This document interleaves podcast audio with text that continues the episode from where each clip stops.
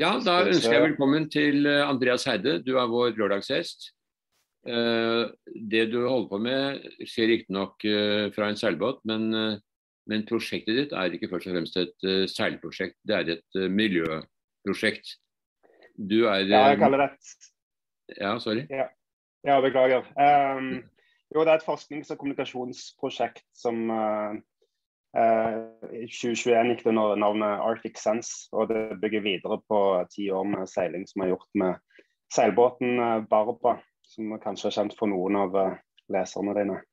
Ja, det er de nok, men de som ikke er kjent med det, de må få vite litt mer om deg og om dine ekspedisjoner. I hvert fall særlig den ekspedisjonen som du har gjennomført nå i 2021 fra fra Stavanger og opp til eh, langs norskekysten, til Tromsø vel, og over til eh, Svalbard. Og så vidt jeg kan se på kartet, så har det også vært nord for Svalbard. Ikke rundt, men nord for Svalbard. Jo, vi gikk eh, nord opp til drivisen, til litt over 80 grader. Mm. Opp med Sjuøyene. Mm. Og så gikk vi ned Hinlopen, tilbake til Longyearbyen. videre ned til Jan Mayen, besteg Berenberg. Og så seilte vi ned til London via uh, Shetland. Um, og så tilbake til Stavanger. Akkurat. Um, du må fortelle litt om uh, hva som var hensikten med denne turen. Altså, vi snakker ikke om en seiltur, men vi snakker om en forskningstur. Og ditt program det var jo å kartlegge bl.a. blåhvalens bevegelser. Um, ja. ja. fortell litt. Ja, det, flere på en måte leveranser fra dette prosjektet. Det ene var en, en forskningskomponent da, eh, hvor vi bruker hvor vi tauer et uh, system som heter Pamgard, som er en 80 meter lang kabel med fire hydrofoner eller undervannsmikrofoner i den kabelen, uh, som er koblet til en datamaskin. Og Det gjør at man kan si noe om, om bestanden, hvalbestanden. Og det går på populasjonstetthet og utbredelse. Så kan eksempelvis da plukke opp eh, spermhval og disse dypdykkende hvalene veldig lett via eh, Vi bruker lyder da i, i forbindelse med jakt og, og kommunikasjon.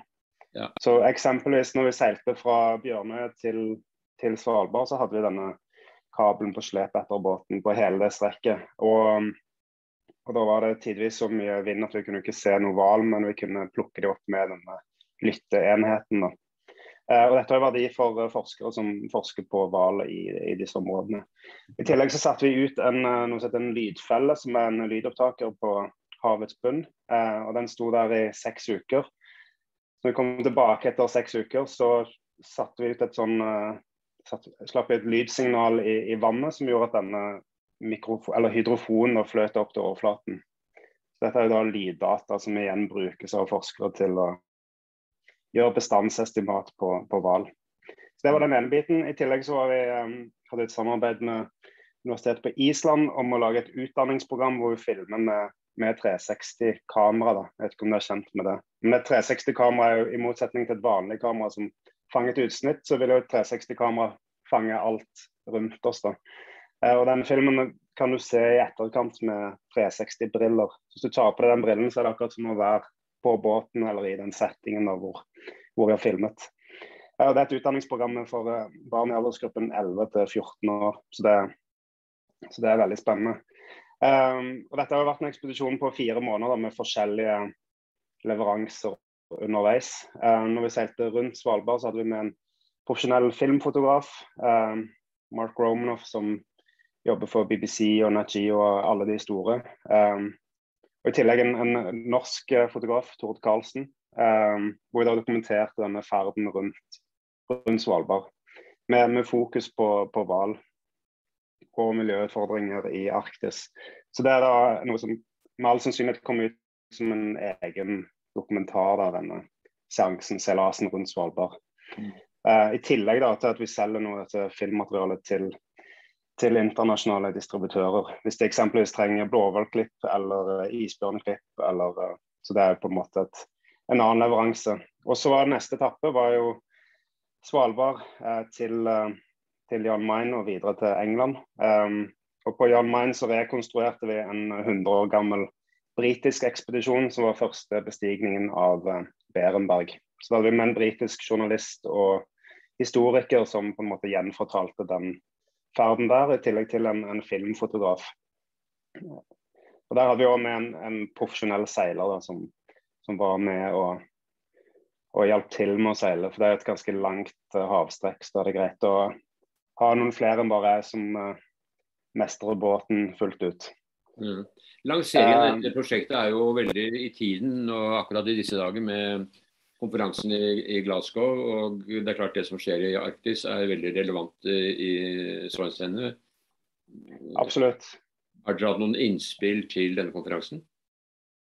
Eh, nei, vi ble bedt om å holde foredrag der, men det var, kom litt sent, den invitasjonen. Men vi har, um, den er jo på radaren vår. Og vi, holder, vi, gjør egentlig det vi har gjort de siste ti årene, eh, mens nå har det blitt langt mer aktuelt. Da. Og Vi hadde den britiske ambassadøren inne som eh, støttespiller til dette seilprosjektet. Så, og Den siste etappen, det å seile til London, var en del av kommunikasjonen fra, fra reisen. For å aktualisere funnene i Arktis ved å ta dem ned til uh, en av de fremste hovedstedene i verden. I tillegg til at det var veldig spennende å seile opp til London. Ja. Du, du, sier at en av formålene med dette prosjektet er å nå frem til 200 000 skolebarn. Har dere nådd det? Ja, det var en, en innledende ambisjon. Vi var med på en EU-søknad eh, e sammen med Universitetet i Stavanger, eh, hvor målgruppen var 200 000 barn. Eh, den gikk dessverre ikke gjennom den søknaden, så derfor blir det stående som et, noe strekksetter for i kommunikasjonsprosessen med dette prosjektet. Um, og Det er planer om å holde foredrag for en rekke amerikanske skoler via internett. Så, så, vi får se om vi når dette 200 000. Så I utgangspunktet så hadde, hadde det gått hvis jeg hadde fått disse EU-midlene, men det gikk ikke denne gangen. Men vi lar målet stå, da, så har vi har noe å strekke oss etter. Mm. Dette er jo en del av din uh, profesjon som uh, marinbiolog, så dette, dette, er jo jobben din, faktisk. Uh, ja. og, og, du er heldig som da kan bruke seilbåten din til det. Men ja. hvem er det som står bak prosjektet finansiert? Hovedpartnerne er et, eh, et, fond som heter TDV-en i, i, Stavanger. og De så nok på dette som en slags uh, vel, veldedig investering. Da. I tillegg til at de syntes det var et spennende prosjekt å støtte opp om. Um, ja. Så de står i all hovedsak bak det. I tillegg så har vi da Summe Equity, som er et annet uh, fond i, i, Oslo som har, har, gått inn med noen midler. Um, og vi har fått noen midler for den kommunikasjonsbiten. Og så har vi en rekke tekniske sponsorer da, som hjelper oss med, med, utstyr. Så det er på en måte grunnfinansieringen. Og så er det da inntekter fra salg av filmmateriale sånn sekundært. Og på den måten går det rundt uh, til å dekke din lønn og utgiftene ellers? Uh, seilbåten er leid Ja, det går rundt. Ja, seilbåten, seilbåten um, er gjennom et selskap. Um, og, um, og, det går rundt. Jeg, vil ikke, jeg, blir ikke veldig rik på det, men jeg blir i hvert fall rik på opplevelser. Så, um, så får vi se. Og det er jo ikke, ikke seilingen som gir inntektene, det er mer den kommunikasjonen og bildeproduksjonen som som leverer. Så seilbåten er et verktøy. Uh, men det er et verktøy vi må mestre fullt ut. For det, det blir jo mye, mye seiling. Eksempelvis Svalbard, eh, Jan Mayen, eh, Shetland, da, da er du på åpent hav. Og ikke minst eh, rundt Svalbard også får du en del væroverraskelser innimellom. Si litt om de konklusjonene som du er kommet til etter sommerens tur.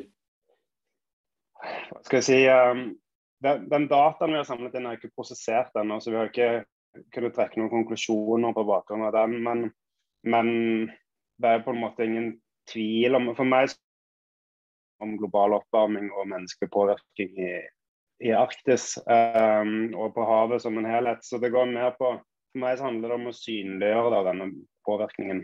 Og vi fant jo eksempelvis et, et, en plasttønne oppi, oppi drivisen og lette drisbjørn som er tatt med til uh, som nå befinner seg i Andenes og skal brukes i utdanningsøyemed. Uh, vi fant et, uh, et dødt reinsdyr som hadde tullet seg inn i, i fiskegarn vi seiler nå, der var det umulig å seile for bare noen tiår tilbake. Så isen trekker seg tilbake, og dette er jo Ja. Det er, det er ingen tvil om det lenger. Så for, for vår del handler det om å synliggjøre denne endringen for å øke folks bevissthet, og, og med det forhåpentligvis bidra til at man tar bedre vare på, på miljøet. Eh, også I tillegg så var det da veldig positivt å treffe på Vi traff på ti blåhval på, på, et par timer eh, nord for Svalbard. Og det er fint med disse positive historiene fra, fra havet òg, at blåhvalen er på vei tilbake igjen. Da ser det ut som etter nesten å ha vært uh, utryddet. Så det største dyret som noensinne har levd, ble jo nesten utryddet av uh, mennesker i forrige århundre. Ledet an av uh, Norge, men det var jo en, en, annen tid. Ja, Det er jo en annen sak også, for det hadde med fangst å gjøre. Eh, nå snakker vi om påvirkning fra miljøet. Og da kan man si at de som er mer berørt, er jo isbjørnen f.eks. Ja, det er helt riktig. Så du har disse toppredatorene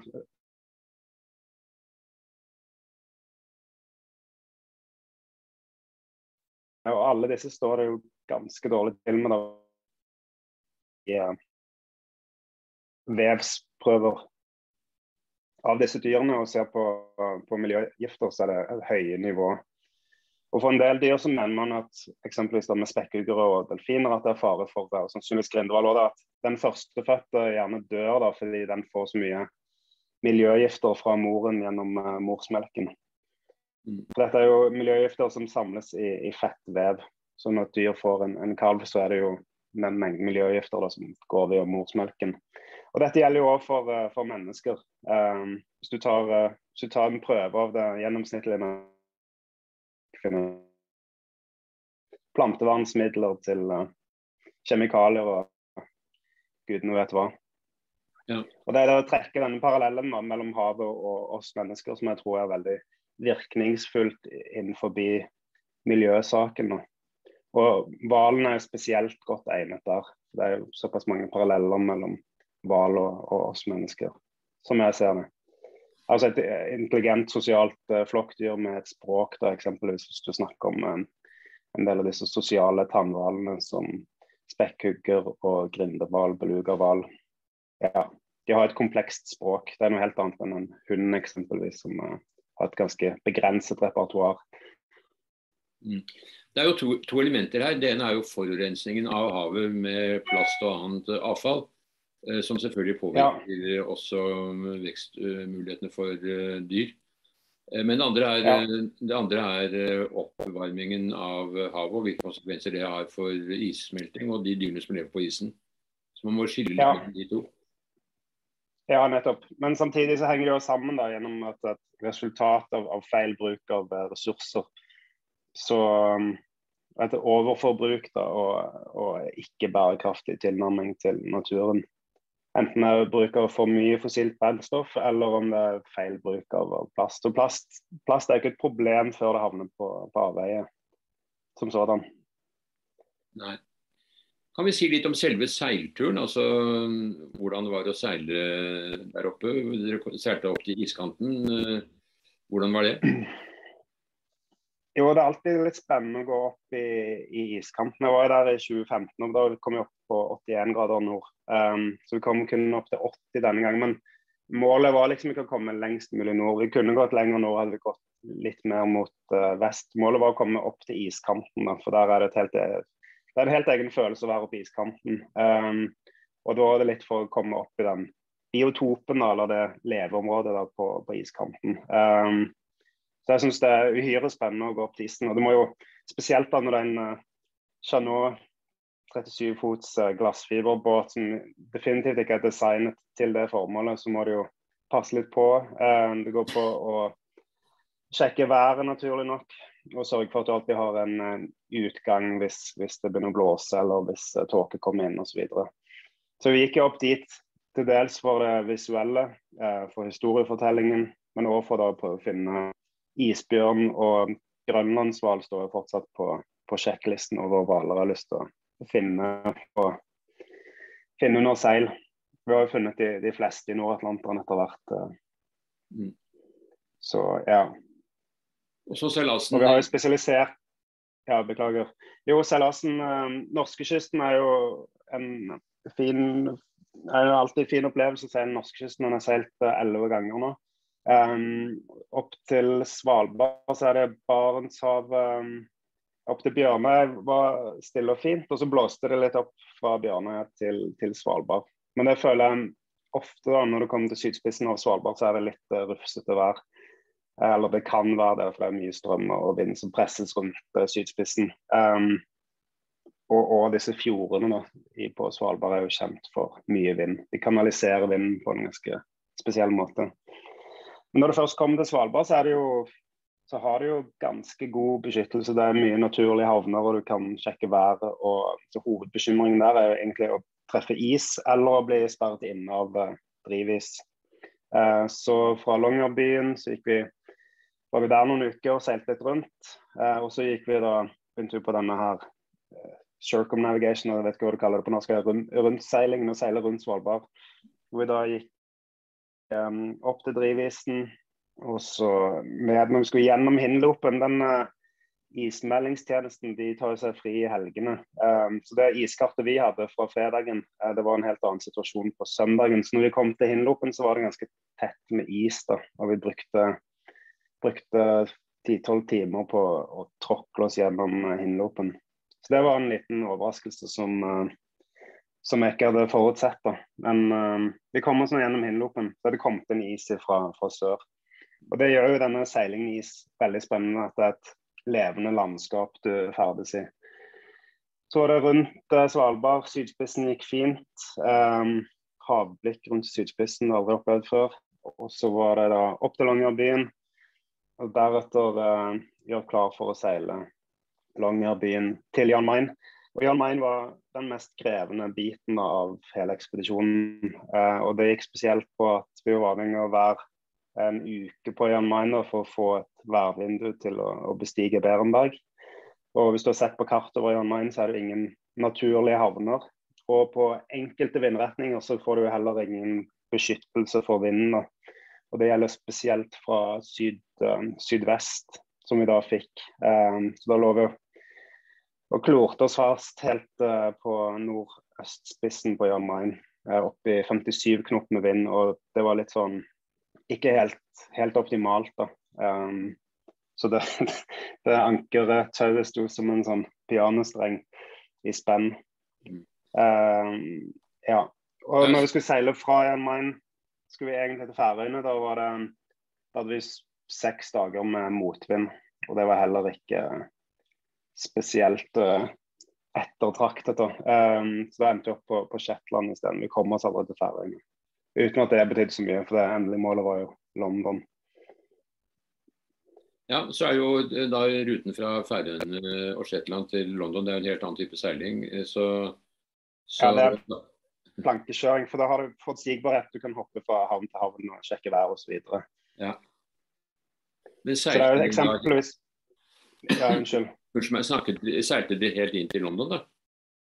Ja, vi gikk helt opp til uh, Tower Bridge. Um, det er omtrent så langt som du kommer. Du kan få åpne Tower Bridge og, og seile et par hundre meter til, men så er det helt stopp. da. Um, så vi var inne på St. Catherine's Dock. Og, og det var faktisk um, utrolig kjekt å seile opp til London.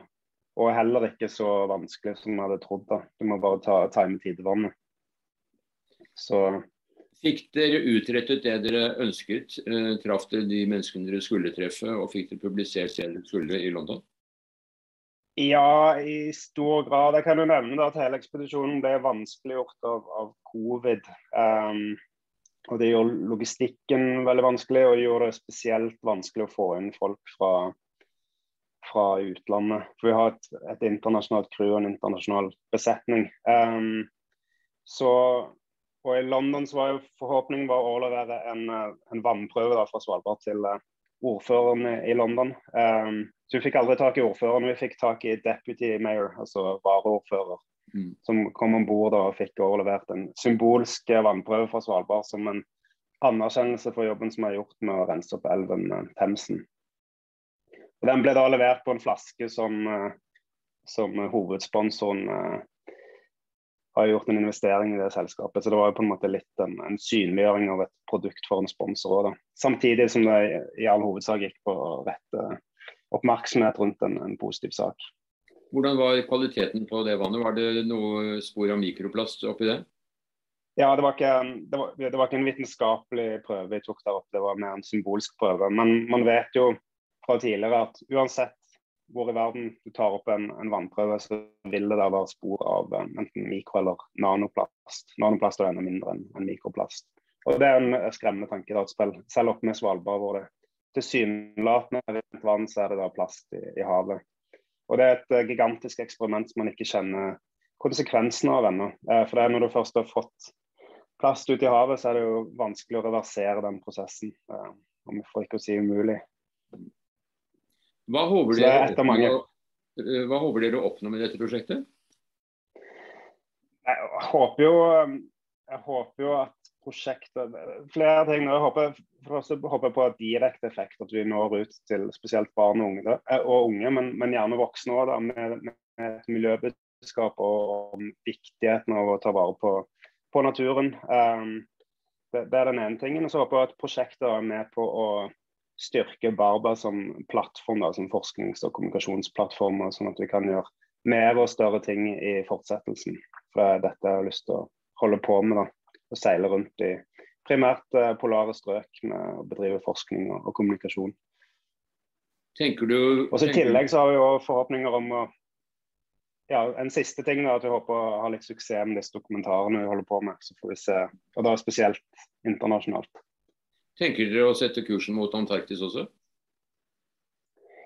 Da må jeg ha en helt annen båt. Um, og jeg tenker i løpet av seilkarrieren så kunne jeg godt tenkt meg seilt til um, Antarktis. Men enn så lenge så finner jeg god spenning i, i Arktis. Og jeg syns jo isbjørn er litt mer spennende enn pingviner og noe sånt skal sies.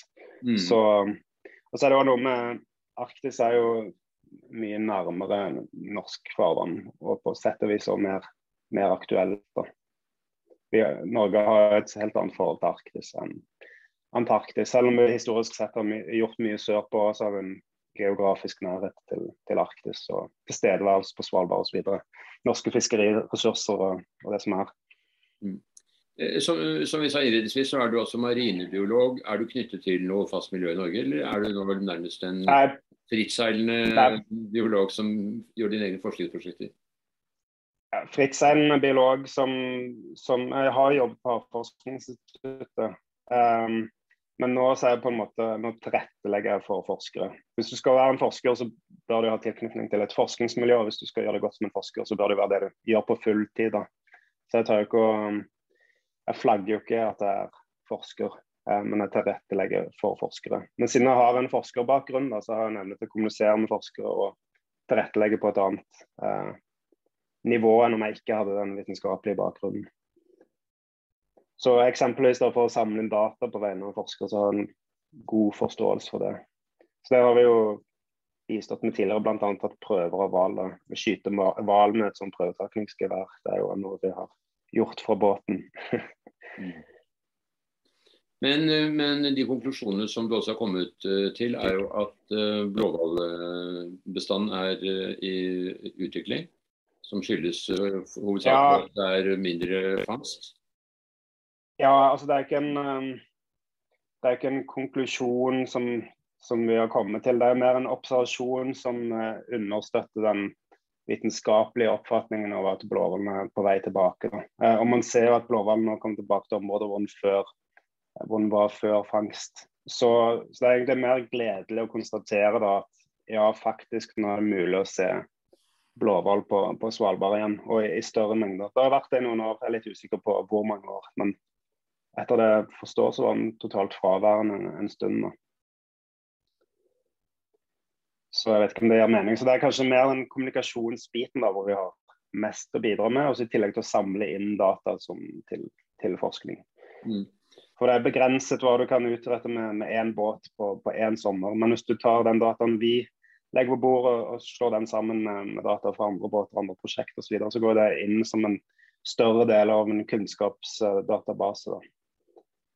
Du har hatt med deg et internasjonalt uh, mannskap med ulike eksperter. Men jeg ser at du også er åpen for å ha med deg flere. Betyr det at det er en invitasjon til uh, norske interesserte å kunne være med deg på noen av disse ekspedisjonene? Ja, absolutt. Jeg vil gjerne ha med flinke norske seilere. Absolutt. Um, og det er jo vanskelig å finne folk med denne her ekspedisjonsekspertisen.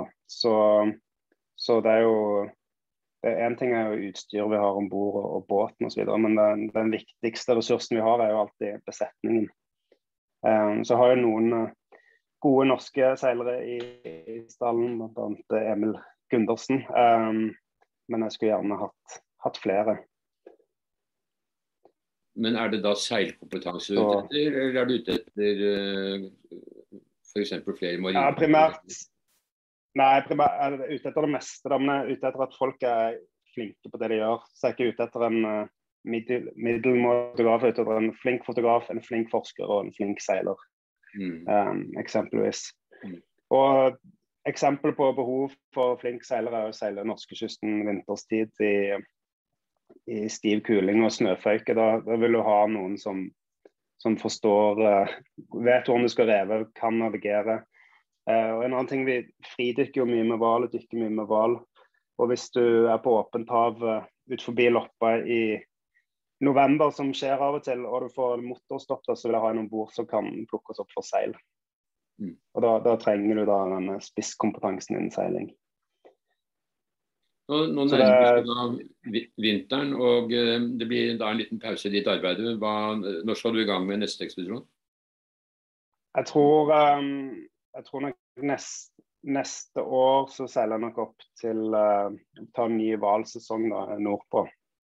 Den strekker seg fra slutten av oktober til, til januar. Der får følge spekker og, og knølhval. Um, og så I sommer så blir det helt sikkert det kanskje en seiltur til, til Færøyene eller Shetland eller noe i den retning. da. Um, kanskje få teste ut litt vitenskapelig utstyr. Um, så får vi se om vi får, får på plass noe finansiering til akkurat det. Men neste prosjekt er nok uh, norskekysten uh, og hval uh, kommende, altså neste vinter. Uh, 2022-2023. Og så blir det nok tilbake til Svalbard i 2023, tenker jeg. Mm. Det skal bli veldig spennende å følge de prosjektene dine fremover. I Seilmagasinet vil gjerne opprettholde kontakten, og at vi gjør det. Um, ja, jeg skrev og så får vi hatt et Ja. Ja, unnskyld. Det var litt, litt forsinkelse her. Men ja. men ja, jeg har hatt gleden av å jobbe med dere før og, og gjør det gjerne igjen. Så, og det er hyggelig å støtte opp om, om norsk seilsport. Og... Ja, du kan si at uh, det går to veier. Norsk seilsport ønsker også å støtte opp om miljøarbeidet. og Som du vet, så jobbes det jo iherdig nå i Norges Seilforbund med å holde vannet rent. Så, så, her er det jo ting som er ja. godt uh, beslektet. Um, uh, vi håper jo også at du klarer å få skape interesse fra politikerne på det arbeidet som du gjør, og at det kan bidra til å løse eller frigjøre midler til å forske mer og til å trekke konklusjoner som har betydning for livet i Arktis. Ja, jeg tror, jeg tror, vi er godt på vei, så det blir spennende å se noe, spesielt med disse filmprosjektene vi har, så er det store internasjonale interessenter på, som står klar. Så får vi se om vi, vi, klarer å få det helt i mål. Men det tror jeg faktisk. Så jeg tror det blir bra. Ja. Og det er bra allerede. Vi har gjort, uh, utrettet en hel del. Som du, hvis du går inn på barba.no, så kan du se noe av det vi har gjort uh, før. Akkurat. Det gjør sikkert våre lesere. Men uh, tusen takk for uh, samtalen. Selv takk. Så ser jeg frem til fortsettelsen. Ja, ha det riktig bra. Ha det bra.